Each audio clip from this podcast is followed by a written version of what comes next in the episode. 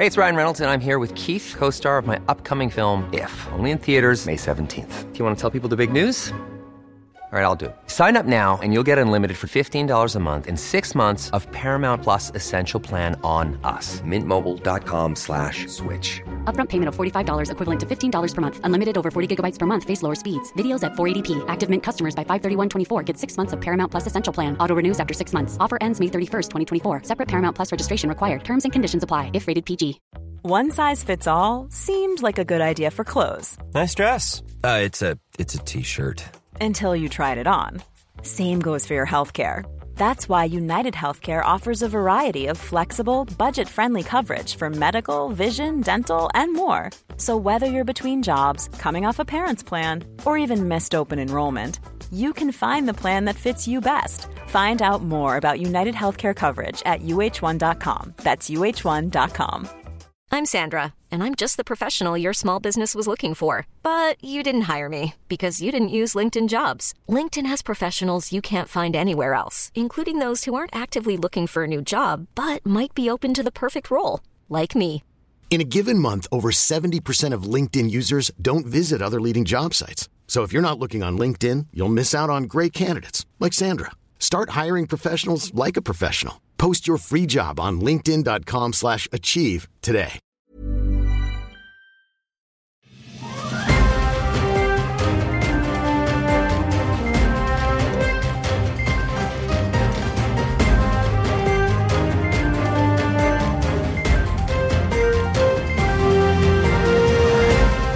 Det här är podcasten Statsmannen med mig redaktör Henning Svedberg och den ständiga gästen Kai Rämö. Välkommen Kai. Tack ska du ha Henning. Vi går igenom en svit här och lyssnar på dina vallöften inför EU-valet och vi har kommit till punkten energi. Jajamän, ett mycket viktigt ämne för dig och mig, våra industrier och framförallt våra plånböcker. Mm. Kan du upplysa oss om vad som är kärnan i din politik här? Ja, Eh, precis som jag sa tidigare så statsmän tar ansvar, politiker är opportunister som inte nödvändigtvis löser rätt problem. Och vi har energibrist i Europa och man kan säga så här att grunden i allt mänskligt liv är energi. Energi är välstånd. Ju mer energi vi har tillgång till desto mer bra saker kan vi göra. Och i det här fallet så har man i Europa på grund av politiska skäl som i Tyskland avvecklat sin kärnkraft. Mm. Och eh, det är bara för att då har man den här trafikljuskoalitionen med röda, gula, gröna, det vill säga socialdemokrater, liberaler och eh, miljöpartister. Och eh, då tyckte då ett antal att eh, kärnkraft är inget att ha. Och så byggde man massor med vindkraftverk i Tyskland. Och så upptäckte man att vindkraft levererar ingen el när det inte blåser. Och för att kompensera för bristen av el så köpte man in sig på eh, rysk gas och blev beroende av den. Och det gjorde man med hjälp av bland annat den tyska socialdemokraten Schröder som var före detta eh, kansler. Eh, och eh, så hamnar man i ett eh, litet dilemma när Ukraina-kriget började eller utökade invasionen av Ukraina börjades av Ryssland. Att då var ju inte rysk gas li lika aktuellt. Vem kunde ana det? Eller hur? Det var ju en totalt naiv överraskning så det visar ju att även tyska politiker kan vara väldigt naiva. Eh, Och i det här fallet så var nog en del också köpta. Och eh, tyskarna tycker då att eh, det är bättre att stänga kärnkraftverk som egentligen inte levererar någon CO2. Och eh, istället så har de dragit igång kolkraftverk.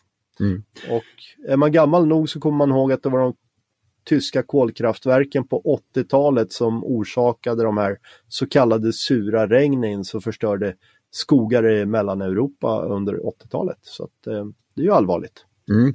Men det här är ju sånt som eh, generation Greta då och de som har varit med och drivit igenom det här inte har koll på, vilket gör att sådana här beslut fattas.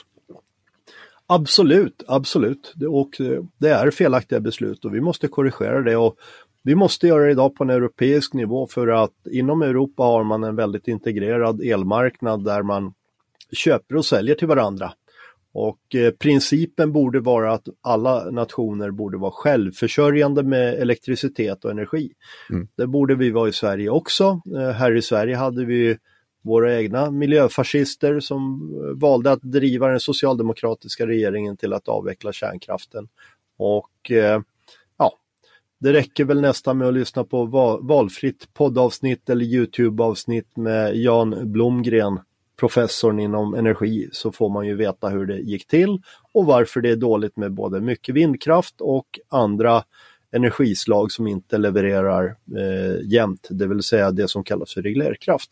Mm. Till Gretas försvar ska jag väl säga att hon har ju faktiskt backat på det och säger att kärnkraften är det bästa alternativet. Det låter ju bra. Eh, det verkar dock inte ha kommit fram till alla partier i Sveriges riksdag så att det är väl fortfarande där problemet måste lösas i Sverige. Mm. Sen så har det framförallt inte kommit fram i Tyskland och där fortsätter de. Jag tror de har väl ett kärnkraftverk eller två kvar att lägga ner och det ska de göra i år så att de har inte blivit klokare. Man tror alltså fortfarande att eh, kärnkraft är livsfarligt?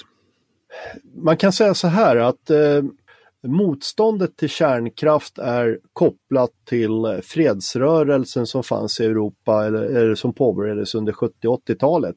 Mm. Och båda, båda organisationerna eller rörelserna var ju finansierade av det ryska KGB. Mm. Eh, syftet med fredsrörelsen var ju att få Europa att nedrusta. Men man ställde ju då inga krav på sovjetisk nedrustning. Och eh, syftet med kärnkraftsmotståndet är helt enkelt så att eh, ju fler länder som har kärnkraftverk, desto fler länder har potentiellt möjlighet att tillverka kärnvapen. Mm. Och det är självklart så att för Sovjetunionen så skulle det vara väldigt tråkigt om i princip alla industrialiserade länder i Europa skulle ha egen kärnkraft och kunde tillverka egna kärnvapen om de ville. Mm. Och då kan vi gå tillbaks till Ukraina-kriget att det är väl ingen som tror att annekteringen av Krim skulle ha skett 2014 eller att kriget skulle utökats 2022 om Ukraina hade fått behålla de sovjetiska kärnvapnen de hade på sitt territorium efter Sovjetunionens splittring. Som de också lämnade ifrån sig för att? Ja, för att få sitt territorium garanterat av eh, USA, Ryssland och Storbritannien och eh, det var ju då Budapest-traktatet från 1994. Mm, mm, mm. Men vindkraften här då, hur miljövänlig är den egentligen? Eh, vindkraften är ju inte miljövänlig. Havsbaserad vindkraft, det har man ju noterat att den eh, förstör ju väldigt mycket. Eh, ute, till exempel i väst, Västerhavet så har man ju konstaterat att den stör tumlare. Tumlare är ju då mm. däggdjur som navigerar med ljud precis som alla andra valar. Och eh, de ljud som förmedlas av eh, vindkraftverkens eh, ska vi säga, basplattor eh, stör tumlarnas tillvaro. Utöver det så många rovfåglar, man har i Storbritannien gjort undersökningar där man räknar med att ungefär 60% av de stora rovfåglarna slås ihjäl av vindkraftverken ute till havs. Och med tanke på att det är ungefär 300 ton eh, betong i ett eh, fundament för vindkraftverk plus en massa armerat eh, järn så är det bara att inse att eh, det är inte miljövänligt att bygga vindkraftverk. Utöver det så släpper ju propellrarna eller rotorbladen, de släpper ju mikroplaster och det finns inget miljövänligt sätt att av, avveckla dem eftersom det är ja, kompositmaterial som inte går att återanvända på något vettigt sätt. Mm. Jag hör här, det låter inte som att du är någon direkt eh, vindkraftverksvän. Eh, nej, nej, alltså det, det, det behövs inte. Eh, jag kan förstå om du inte har byggt infrastruktur någonstans där det inte finns eh, elledningar och transformatorstationer, någon, någon enskild gård långt, långt ut ingenstans. Där, där funkar det säkert och där fungerar det säkert med batterilager. Men det vi behöver det är ju, det är ju reglerkraft, det vill säga kraft som vi kan öka och minska allt eftersom behov. För att elektricitet måste produceras precis samtidigt som den förbrukas. Det är ingenting du kan lagra.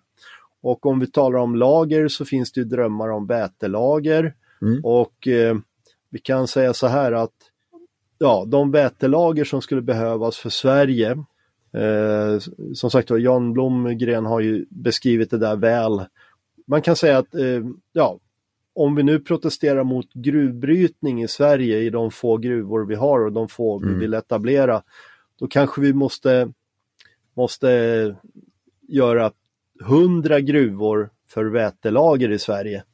Och det förstår ju alla att det är ju inte rimligt överhuvudtaget. Plus att dessutom så vid eh, hård belastning på elnätet så räcker de inte många timmar ändå. Så det blir enorm miljöförstöring, kapitalförstöring för väldigt liten vinst. Så att eh, så är det med det. Mm.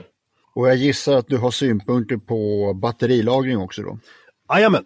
Ja, batterilager, ja då betyder det att var och en i sitt hem ska ha någon form av batteri. Det, det är väl teoretiskt sett en bra idé, men eh, om vi bara tänker på vilka mängder olika metaller eh, som behövs för det så är det ju inte användbart. Det är, det är en teoretisk konstruktion, ingen har prövat den och dessutom så är ju oftast elnäten designade för enkelriktad elektrisk leverans. Mm. Jag såg en bildekal häromdagen och det var inte på din bil, men där stod det att grön energi är bäst. Vad är grön energi? Ingen energi är ju grön. All energi kräver att vi bygger någon form av konstruktioner och att vi genererar värme som genererar ånga som eh, går in i en generator. Eh, eller rörelseenergi, så kan vi säga. Rörelseenergi kan omvandlas till el och då har vi ju vindkraftverken. De är inte gröna. Mycket stora miljöproblem, dessutom begränsad hållfasthet. Eh, man räknar med att i en vindkraftpark så är det max 80% som är i drift, 20% är tagna ur drift på grund av tekniska problem eller underhåll. Och de håller bara i tio år. Och förstör fågelliv, förstör naturutsikter och så vidare. Och så vidare. Så att det finns ingen grön energi. Det handlar bara om vilken påverkan gör det på sin omgivning. Och tar vi ett kärnkraftverk, det finns helt innanför sina staket och eh, påverkar inte omgivningen med vare sig buller, avgaser eller någon form av eh, ja, eh, stora vindsnurror som förstör för fågelliv och annat och infraljud och så. Så att det är ju det det handlar om och eh, som vanligt fusionen är alltid 30 år bort så att eh, jag räknar väl inte med att se fusionskraftverk under min livstid och då är kärnkraft det mest rationella alternativet vi har. Faktum är att det enda sättet att lagra energi, om vi ska tala om det, det är i så fall om vi har vindkraft, vilket fortfarande är dåligt för naturen av många skäl och ingen vill ju bo bredvid ett vindkraftverk heller. Så det skulle vara i så fall om man har dammar med vatten där man pumpar upp vatten av, med hjälp av överskottselen och sen så använder man det som ett vattenkraftverk när det inte blåser. Men det är inte möjligt i alla länder och alla ställen heller. Eh, så att det skulle till viss del kunna funka i Sverige men eh, med våra vattenkraftverk. Så mm. Ja, den viktiga poängen med kärnkraft är ju att den gör minst påverkan vad gäller CO2, omgivande miljö och så vidare. Och moderna kärnkraftverk är faktiskt säkra. Sen finns det ju de som hävdar, ja men titta på Fukushima och så vidare och så vidare. Ja, i Sverige har vi ju fördelen av att vi har inga tsunamis, vi har inga orkaner. Vi har inget sånt som kan påverka svenska kärnkraftverk på det negativa sättet. Hela Sverige är i princip, eh, ja, en enda stor granitmassa med lite jord på. Så att eh, vi, vi lever i en väldigt stabil miljö medan Japan till exempel är ett av världens mest jordbävningsdrabbade områden. Mm. Du pratade här om lite påverkan. Jag skulle vilja säga ganska stor påverkan och det är då om man kryssar dig i EU-valet för din energipolitik. Absolut. Jag kommer definitivt i EU-parlamentet att kämpa för mer europeisk kärnkraft och att alla länder ska ta sitt eget ansvar för sin egen energiförsörjning. För det rimliga är ju lokal produktion så långt det går. Sen är det ju fullt klart så att alla länder har inte alla förutsättningar. Då får vi hjälpas åt. Men det är bara att titta på exemplet Finland eh, när de startade igång reaktorn Olkiluoto 3 så sjönk ju elpriset i hela norra Europa på grund av att de kunde leverera. Och Det är ganska intressant att eh, när kärnkraften rullar så är ju elen billig oavsett. Mm. Och eh, det är ingen som nämner om att vindkraften oftast inte levererar mer än kanske 10% 15% av den totala installerade kapaciteten. Så det betyder att ja, 85-90% av kapaciteten eh, kommer inte att kunna genereras och det är ju också ett resurslöseri på sitt sätt. Mm. Vindkraften levererar inte, det kommer Kaj göra i EU. Jag... Absolut. Det här är ett litet kortare avsnitt där vi går igenom dina vallöften ett och ett. Och för den här gången tackar jag dig Kai. Tack så mycket. Tack, hej. Hej då.